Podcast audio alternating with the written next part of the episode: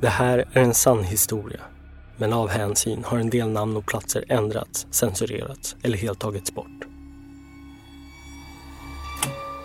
01.27, klockan är eh, 14.00. Det är Förhörsledare Monica Olhed och närvarande Lakman. Polisstationen i Kristianstad. Förhören med nattvandraren lider mot sitt slut. Han har redan erkänt två mord och flera grova övergrepp mot kvinnor. Det är precis som att det finns något i kroppen så säg till. Alltså det är något annat i i bakhuvudet som säger någonting att kvinna våldtäkt någonting. Vad det är. Jag kan säga så här, jag har jobbat med många grovt kriminella, organiserade kriminella, med skjutningar och riktigt råa människor. Men det finns en enda person jag skulle vara rädd för. Och det är just han. Polis och åklagare förbereder sig nu för att väcka åtal för de brott nattvandraren erkänt och som man kunnat binda honom till. Men samtidigt arbetar Monica och hennes kollegor med misstanken om att nattvandraren kan vara en potentiell seriemördare. Nej, men det känns precis som att eh, man är nästan en levande tickande bomb. Nu har den exploderat. Ja, tyvärr. Nattvandraren vill bara prata med Monica under förhören och hon gör sitt bästa med att få ut mer information om nattvandrarens våldsgärningar. Men det är svårt. Nattvandraren måste själv berätta om dem och han tycks antingen ha förträngt många minnen eller så drar han sig helt enkelt för att återuppleva dem. Nu går igenom dina händelser. Jag är övertygad och jag är övertygad om att det var andra saker som du behöver prata om. Ja, men det är det jag försöker liksom att s- skriva upp va. Börja med det som jag kommer ihåg. Han begår ju grova brott. Han handlar om mord, våld och mord. Trots att det finns folk alltså väldigt nära honom. Det är precis som att han inte förstår eller är rädd för att folk kan upptäcka honom. Kan nattvandraren ha lämnat spår efter sig som kan binda honom till ytterligare mord eller andra grova våldsbrott? Sen är det ju svårt att hitta den här typen av gärningsmän. De syns inte, de hörs inte. Du lyssnar på podcasten Motiv och på den sista delen om Nattvandraren. En serie i fem delar av Alexander Mork. Med mig, Nils Bergman.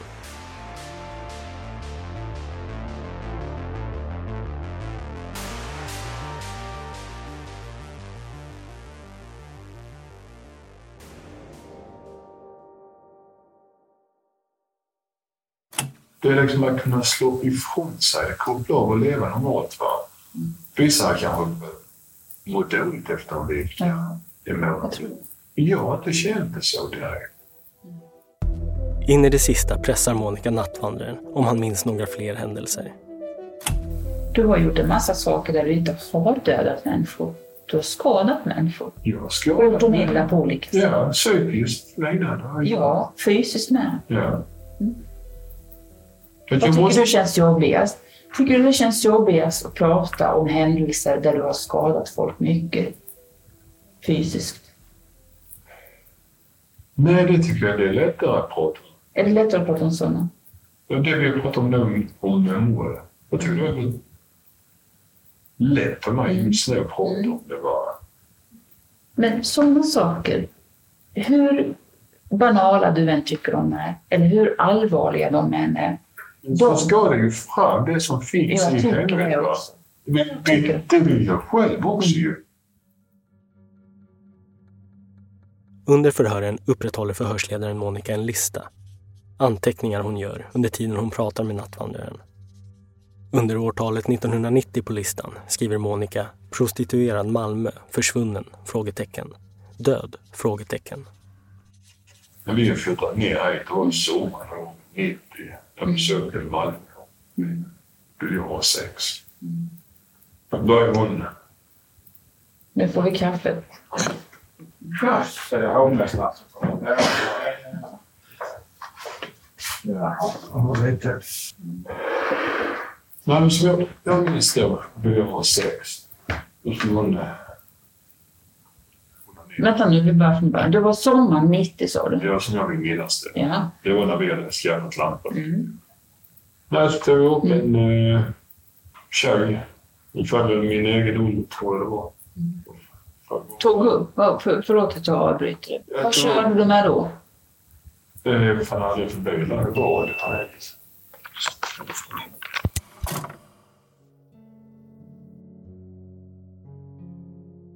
Men här slutar förhören med nattvandraren. Det kommer inga fler bekännelser. Den kvinna han berättat om att han plockat upp med sin Volvo 240 hamnar till slut i ett skogsparti en bit utanför staden där nattvandraren ska ha blivit arg, örfilat henne och slängt ut henne ur bilen.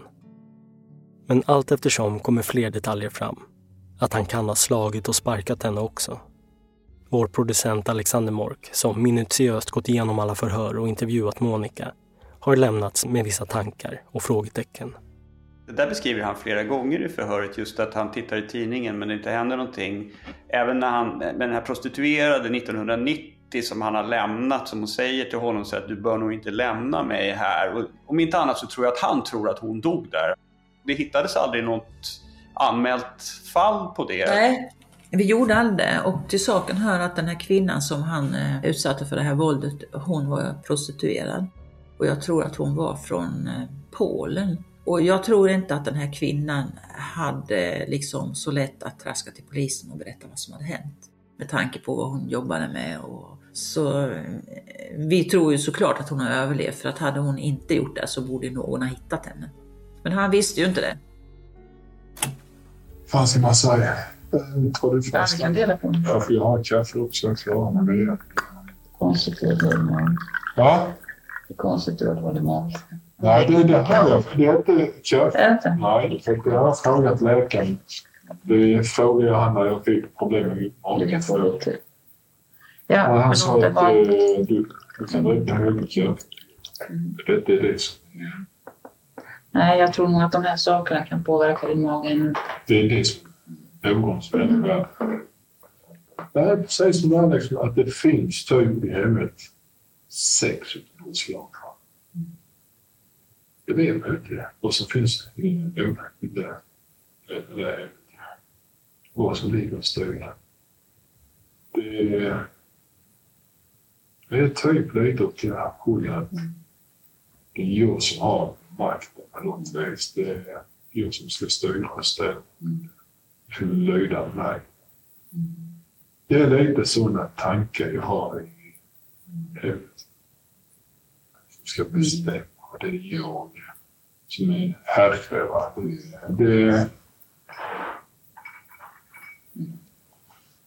det känns, ibland så känns det lite som att man sitter och funderar på vissa saker. Det är precis som att det är jag som bestämmer, jag som är herre.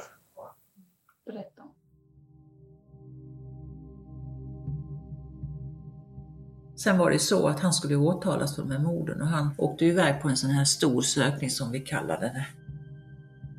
Förhören avslutas och nattvandraren åker iväg på en undersökning där man rekommenderar att han ska utredas vidare. Och man konstaterar snart därefter att han lider av en allvarlig psykisk störning. I utlåtandet från undersökningen kan man läsa att han begått handlingarna under påverkan av en allvarlig psykisk störning.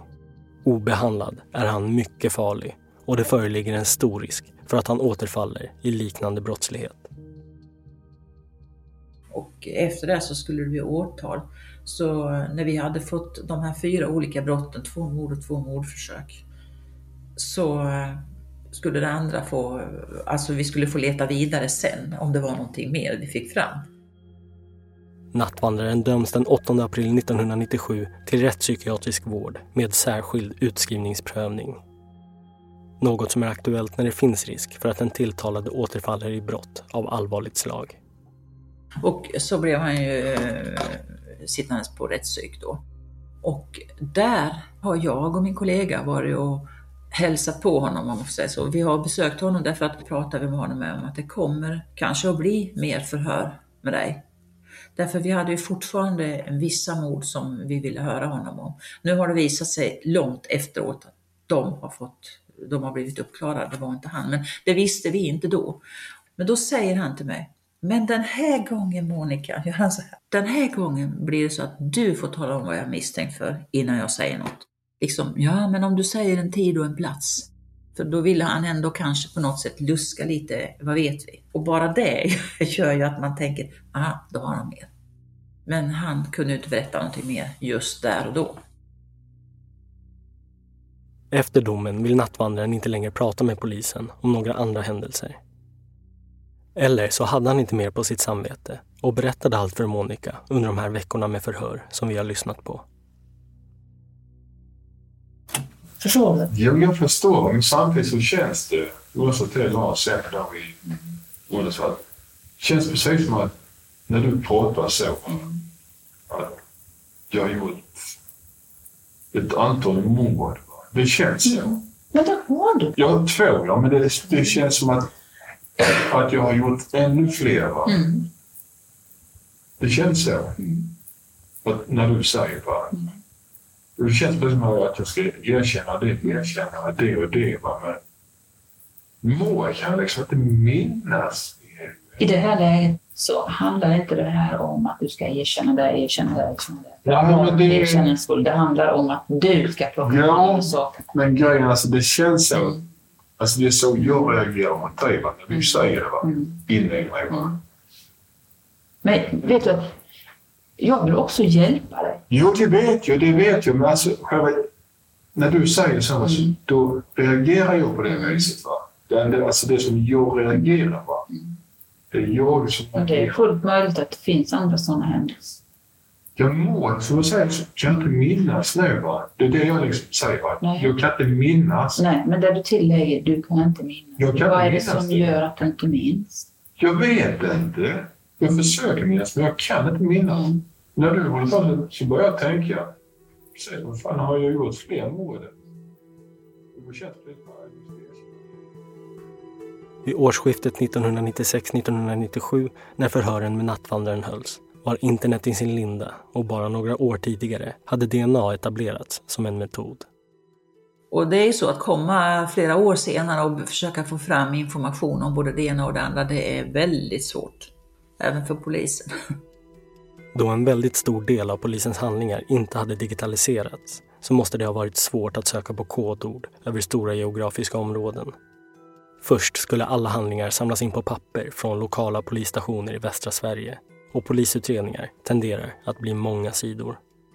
Att samla in olösta fall, sammanställa allt och sedan söka på enstaka ord som kniv, rep och våldtäktsförsök var ett ganska stort projekt.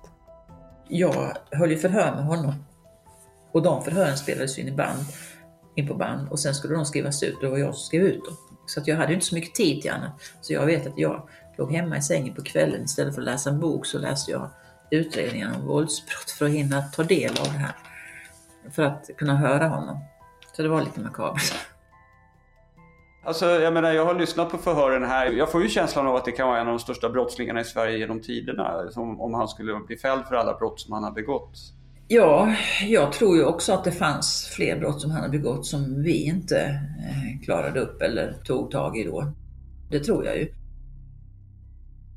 Efter att ha gått igenom alla dessa förhör blir det uppenbart att man hade en viss tur gällande det här ärendet. Om inte grannen Niklas hade ringt och tipsat polisen om sitt möte med den här mannen med cykeln så kanske nattvandrarens brott inte heller denna gång hade uppdagats. Det är inte helt säkert att han annars hade blivit misstänkt, också med tanke på att han tidigare var ostraffad. Hur har det påverkat dig? Är inte på något speciellt vis. Har det du aldrig varit rädd för att nu kommer någon och hämtar mig? Någon kommer på det? Har du? Det har du aldrig tänkt tanken på att jag har ju faktiskt tagit livet av? Det var väl kanske i början lite fanns tanken va, men att det kunde hända. Nej, så tänkte jag nej. För att ju mer jag läste typ så tidningar man hörde, och det, ju, ju mer säker blev jag. Säker på att... Det inte bli upptäckt. Mm. Så kände jag som jag kom över. Mm. Sen var det bara liksom, Sen har du locket på. ja. Men du säger att du läste tidningarna och du blev mer och mer säker på att, de, att eh, polisen eller vi skulle upptäcka då vem som hade gjort det. ja. Jag, jag kände det så. Var det bara risken för upptäckt? Eller vad var det egentligen som du tänkte då? Risken för att bli upptäckt? Vad som skulle hända dig? Eller? Det var väl mer... Det var mer upptäckt. Liksom, Mm. Mm. De här från polisvärlden var de var polisanmälda. Va? Mm. De, när det inte står någonting, då vet jag att de blev polisanmälda eller inte. Va? Det är typ sånt jag försöker börja nu.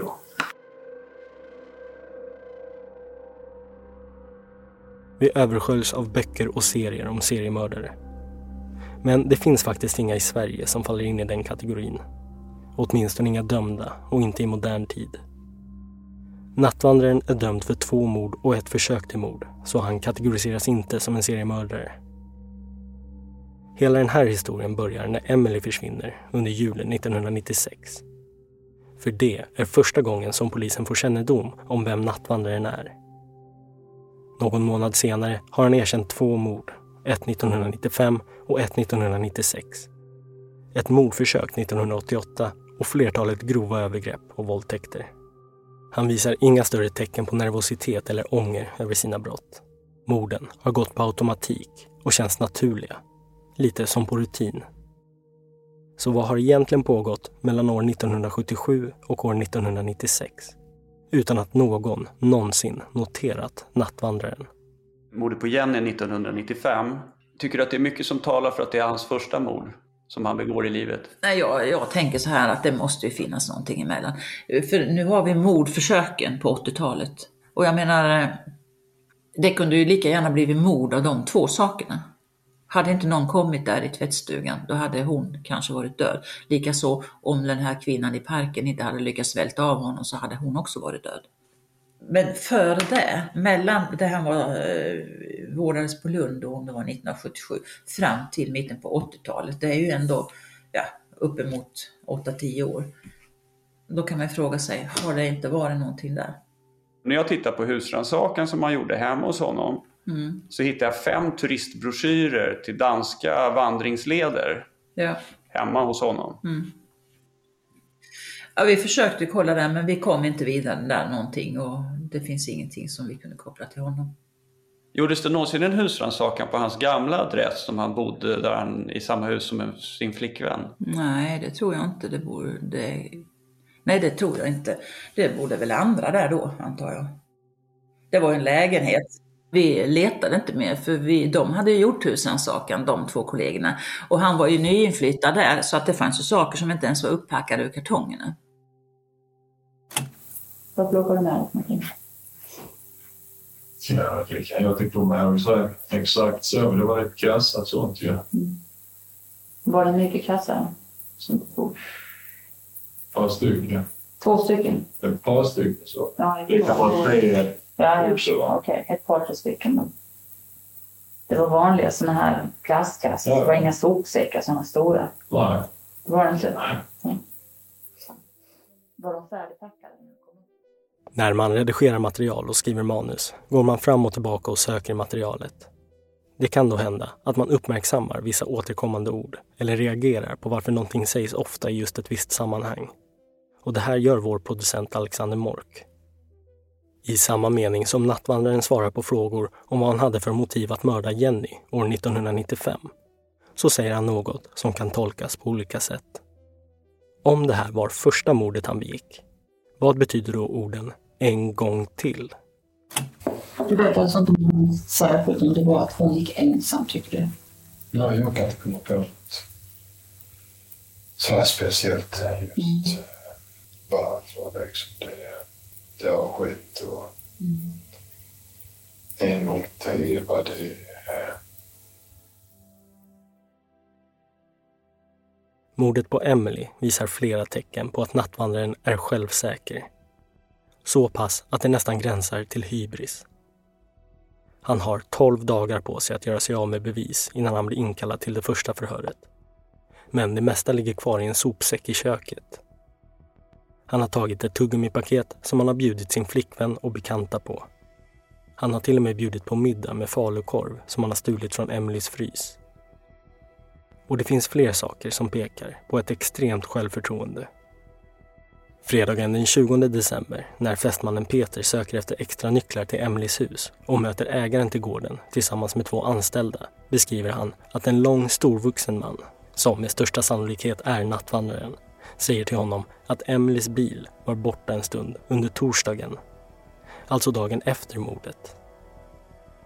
Detta följs aldrig upp av polisen och nattvandraren blir aldrig förhörd om det. Men varför göra sig själv till den som senast sett henne vid liv? Men om du får jobba på det här sättet som du håller på och plocka fram minnesbilder och närma dig händelser mer och mer. Jag tror att du får fram minnesbilder från det. Ja, men Maud kan jag nästan säga till hundra procent att jag inte har med.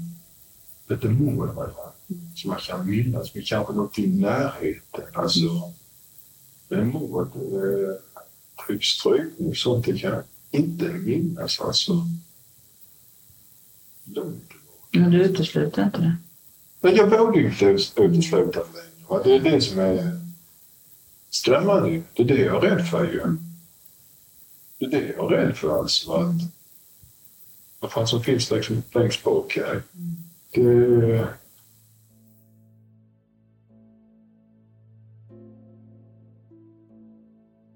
Det är ett par saker som återkommer gång på gång och etsar sig fast genom förhörens gång.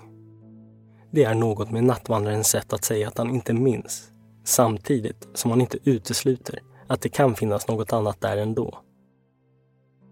Jag, jag tror ju att han mindes, fastän han sa många gånger att han inte mindes. Sen kanske han inte mindes allt. Samtidigt är han mycket pedant. Han har stundtals nästan till fotografiskt minne för detaljer från sina brott. Han skissar med lätthet upp byggnader och objekt, något som kanske inte riktigt stämmer överens med hans sätt att glömma bort saker. Hans liv har sett ungefär likadant ut över åren. Inga stora förändringar. Så hur har han fått bukt med sin oro genom åren? Hur har han undvikit att begå brott när han har mått dåligt? Hur ofta kommer sådana här tankar till dig? Men du skriver inte till handling varje gång tanken kommer, eller gör du det? Nej, det gör jag inte. Hur avleder du tankarna om du inte gör någonting? Jag har gjort något annat bara. Tänk sig tänkt något annat. Cykla, kört bil. Jag har haft det. Det har haft tankarna funnits när jag bodde uppe i Halmstad. Har funnits innan med, men Sen är det ju svårt att hitta den här typen av gärningsmän. De syns inte, de hörs inte. Han kunde vara väldigt trevlig och pratsam och hjälpsam. Så det är inte lätt att se, man måste liksom se att det finns en annan person bakom det här. Kan det finnas anledning att fortfarande idag undersöka om det finns fler offer? Om det finns fler anhöriga som än idag aldrig fått klarhet i vad som hände med deras nära och kära en gång i tiden? Just avsaknaden av ett motiv kan göra impulsiva brott väldigt svåra att lösa. Någon är på besök, festar i storstan och sen försvinner de med nattbussen, cykeln eller bilen hem. Och det finns i mina tankar när jag gör det exakt. Finns något här bakom. Som att det bara liksom händer. Man har hållit på med någonting länge, länge. Det är bara att man gör det så jävla automatiskt. Tror du inte att du har gjort det? Det är det jag inte vet. Det är det jag liksom är rädd för. Det är liksom det att... Eh, Men släpp den. ja, men det- jag försöker få fram vad jag har gjort. Men det är det här liksom. Det är precis som att man har gjort något innan. va, Men jag kan inte minnas. Jag försöker minnas. Vi får försöka. Efter att ha spolat fram och tillbaks i förhören och hört återkommande detaljer bestämde vi oss för att söka bland gamla nyhetsartiklar efter olösta brott begångna mellan år 1977 och år 1996. Som sökord använder vi oss av olika kombinationer av de detaljer som har återkommit under förhören. Från de brott nattvandraren har erkänt och från samtalen under förhören så vet vi att alla hans offer har varit kvinnor. Åldern på kvinnorna har varierat från allt mellan 19 till över 50 år. Attackerna har varit impulsiva, plötsliga. Det kan ske precis var som helst och när som helst på dygnet. Men någonting som driver dig eller någonting som får Men dig det är någonting alltså, typ oro. Rastlös. Mm. Alltså någonting att jag inte kan gå stilla. Va? Jag vet inte. Vad är det som har drivit mig till detta? vi pratade en hel del om det här. Hur och varför blir det så här? Och han säger att han mår dåligt. Han känner en oro, han känner en rastlöshet i kroppen. Och när han känner den där oron så behöver han gå ut. Han måste göra någonting. Och när han säger någonting så är det ofta att han behöver överfalla en kvinna, kanske våldta, kanske ha sex. Han vill ha fullständig makt och kontroll med en kvinna. Och då beväpnar han sig ofta, säger han, med kniv och rep. Men vad var ditt mål den här kvällen med att bli pigg då? Har du något särskilt du skulle göra? Nej, jag känner mig lite piggare på stunden. Brukar du ofta vara ute och cykla? Ja, det nu. Men annars när jag bodde här cyklade jag mycket. I slutet av 70-talet började han cykla efter att han blivit anmäld för ett övergrepp där någon hade känt igen hans moped. Bruna manchestergäng Mm. som jag har haft länge som jag har tyckt om också. Mm. Ja. De gick jag rätt mycket med ett tag. jag. Har du många blå jeans då? Om man nu tänker sig de här bruna manchester och sen jeans. Har du många blå jeans? Under 90-talet hade han ofta en blå jacka eller blåvit-röd träningsjacka, bruna manchesterjeans, en svart t-shirt med texten Lethal Weapon, förmodligen glasögon och keps eller arbetsmössa. Från förhören vet vi att han ofta har rört sig bland prostituerade. Ibland besöker han dem hemma och ibland plockar han upp dem med sin bil. Han har haft många olika bilar genom åren. En Opel Kadett, en Ford, en Saab, flera Volvos, bland annat en grön 242. Ett tag lånade han ofta en vit pickup. Han har kört djurtransporter under många år och verkar veta precis var vilken väg går, kan alla orter och hittar överallt. Du kom in så från Lund till Malmö. Så körde vänster på det stoppljuset.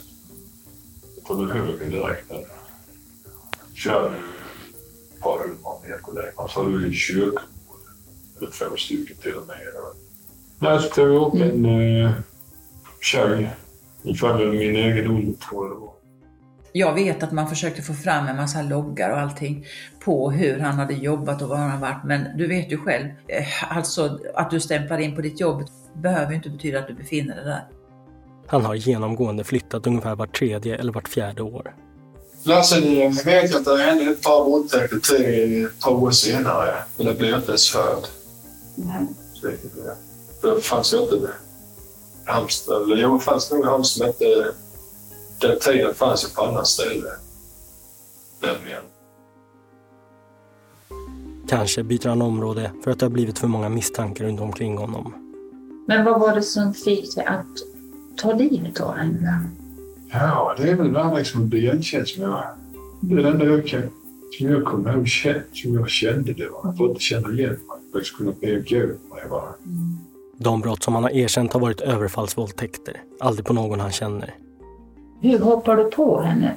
Lägger du på henne, sätter du på henne eller får hon göra någonting på dig? Eller hur ska det här sexuella som du var ute efter genomföras? Ibland klättrar han in genom ett öppet fönster. Ibland ringer han på och frågar efter vägen eller vatten till sin bil.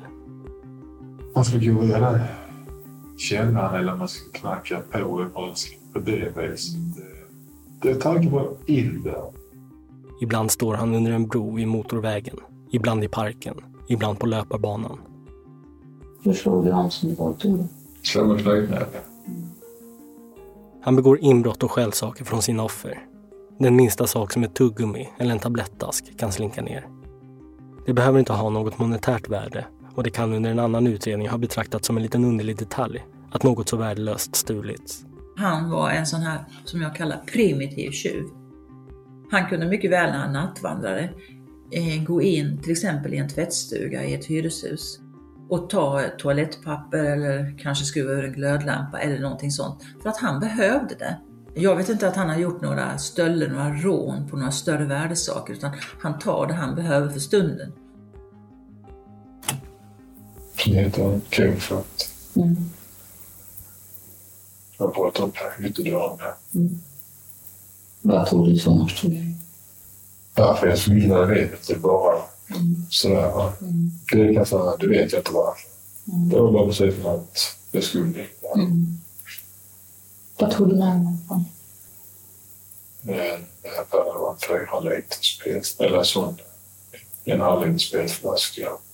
En liters. petflaska som man kokar. Mm. Sen någon en bensindunk, eller plast- Mm. bensindunk. Mm. Ja, vet jag som är. Det bara...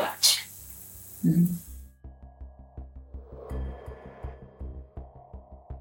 Vi använder all den här informationen som kodord och söker bland gamla tidningar nere i källaren på Kungliga biblioteket. Vi finner en mängd brott begångna mellan år 1977 och år 1996 som matchar våra sökkriterier. Några av sökresultaten är kända olösta mord. Ett är på en 16-årig flicka i Göteborg år 1992. Men jag tänker så här, vi hade ju det här morden i Göteborg. Det var ju någon kvinna som hette Busaba och någon eh, Malin på kyrkogården och framförallt var det inte ett i Falkenberg också? Så tågstationen här i Göteborg, så har vi ett system med en bil på sig. En park bakom. Var ni mycket uppe i Göteborg? Jag har bara varit där en gång. Har du bara varit i Göteborg en gång? Ja, liksom då i den åldern. Ja. Jag har varit där när jag var mindre. Ett annat är ett olöst mord i en tvättstuga i Örebro 1992. Och ett i Malmö, också det i en tvättstuga, 1996. Vi får också många träffar på flera olösta våldtäkter, mord och våldtäktsförsök i området Stockholm, Göteborg, Halmstad, Helsingborg och Kristianstad. Det finns ingenting som säger att nattvandraren har begått något av dessa brott som dyker upp i våra sökningar. Och han har redan testat sedan tidigare mot många av dem. En sak dock som sticker ut lite grann med sökningen är att vi bland resultaten också fick upp de fyra brott som han faktiskt har erkänt. Även fast vi inte letade efter dem. Jag tror aldrig du hade kunnat fungera och levt hela ditt liv på det här sättet. Jag vet ju inte själv va. Liksom hur... Då hade du säkert ställt till mycket, mycket, mycket skada än du redan har gjort. Ja, Till men, andra människor. ja, men det, jag vet själv inte va. hur jag reagerar. reagerat om ett antal år va. Ja, men det jag liksom, har också sagt man liksom börjar bli nästan rädd för sig själv ibland va. Man undrar varför liksom går det sådär liksom att jag gör sig och så. Precis som det här, det är automatiskt. Ja. Liksom, det är det. Precis som att Om det finns några fler brott som aldrig uppdagats så är det bara en person som vet det idag. Han har idag fått rättspsykiatrisk vård i 25 år och under hela den tiden har han skött sig helt utan anmärkningar. Var sjätte månad ansöker han om att bli frigiven. Det var ju så att när han väl hamnade på rättspsyk, så han hade ju mitt telefonnummer så han fick ju ringa därifrån. Han ringde ju mig vid ett tillfälle och då var han lite arg för att när han kom dit så på den tiden så fick han sitta på sitt rum och då skulle man, eh, man hade en viss disciplin på dem direkt när de kom in. De fick inte lämna rummet utan tillåtelse. Dörren till rummet var öppet men de fick inte gå över tröskeln. Och då ringde han en gång och då var han lite förbannad på personalen för då sa han till mig att jag, de har sagt till mig att jag får inte byta avdelning för jag kan känna empati. Och det gör jag ju, säger han. Om någon sparkar mig på benet så vet jag att det gör ont. Det var hans förklaring till att känna empati. Så jag tror att han var dålig på det. Från en särskild utskrivningsprövning år 2019 kan vi läsa att han under åren varit föremål för omfattande behandlingsinsatser. Men han har under de senaste åren inte haft någon regelbunden psykologkontakt. Istället får han regelbundna samtal med professionell vårdpersonal gällande den frustration han upplever i vardagen. Om vården skulle upphöra föreligger det alltjämt risk för återfall i brottslighet av allvarligt slag till följd av den psykiska störning som föranledde överlämnandet. Nattvandraren anger själv i ansökan om frigivning att han är medveten om att vården har sin gång och att det tar tid. Men han vill nu ha en planering inför framtiden. Vården har sett likadan ut i många år. Han har inte misskött sig, har inget missbruk och får inga mediciner. Är de ju ja, men det är bara nu under de här dagarna Mm. som jag känner att jag börjar, när jag börjar tänka efter liksom, vad fan liksom, har jag varit med om allt det här? Att kunna hålla det så pass länge. Det,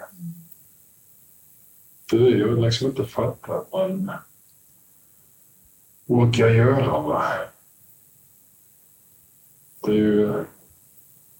Det är ju liksom inte. Det, att jag kan hålla det så pass länge. har aldrig tänkt som så att det har blivit tungt någon gång. Någon gång blir du själv liksom överkörd av det här som du Nej, jag har inte tänkt. Inte? Nej, inte som jag kan minnas. Jag har bara gått vidare liksom, i livet. Försökt leva, försökt sköta mig så gott jag liksom har. Va? Det är, Men allt det här andra som du släpar på, den här väskan där du har tagit livet av folk och där du har våldtagit dem, där du har hotat dem så och betett dig på det här sättet. Det måste ju, ja, men det jag, måste ju vara en tyngd.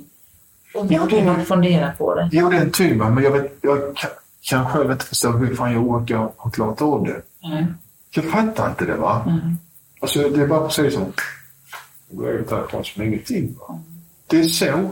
Du har aldrig liksom tänkt sådana tankar, det här springer ifatt dig någon gång? Nej, inte, inte som jag kan minnas.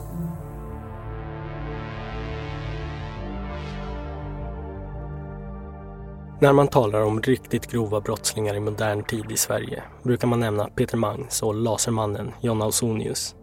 Men kanske bör man även nämna Nattvandraren i samma andetag.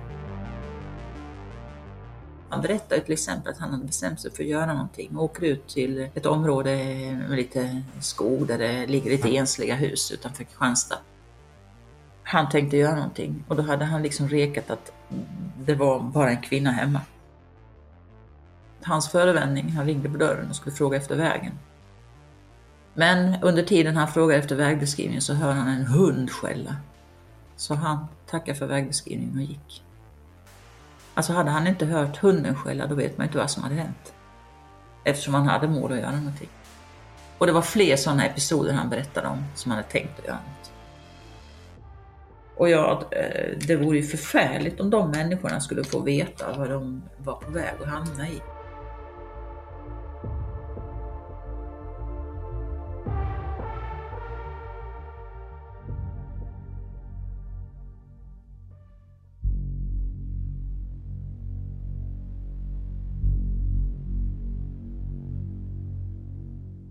Jag tror inte bar henne direkt. Halvbar.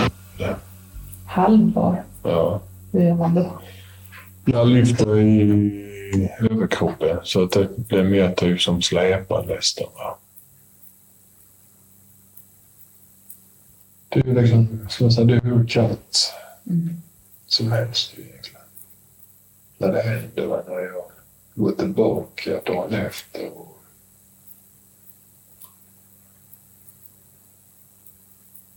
Det är det som skrämmer mig lite. Mm. Ja, mycket, men det skrämmer mig lite grann. va? Det här,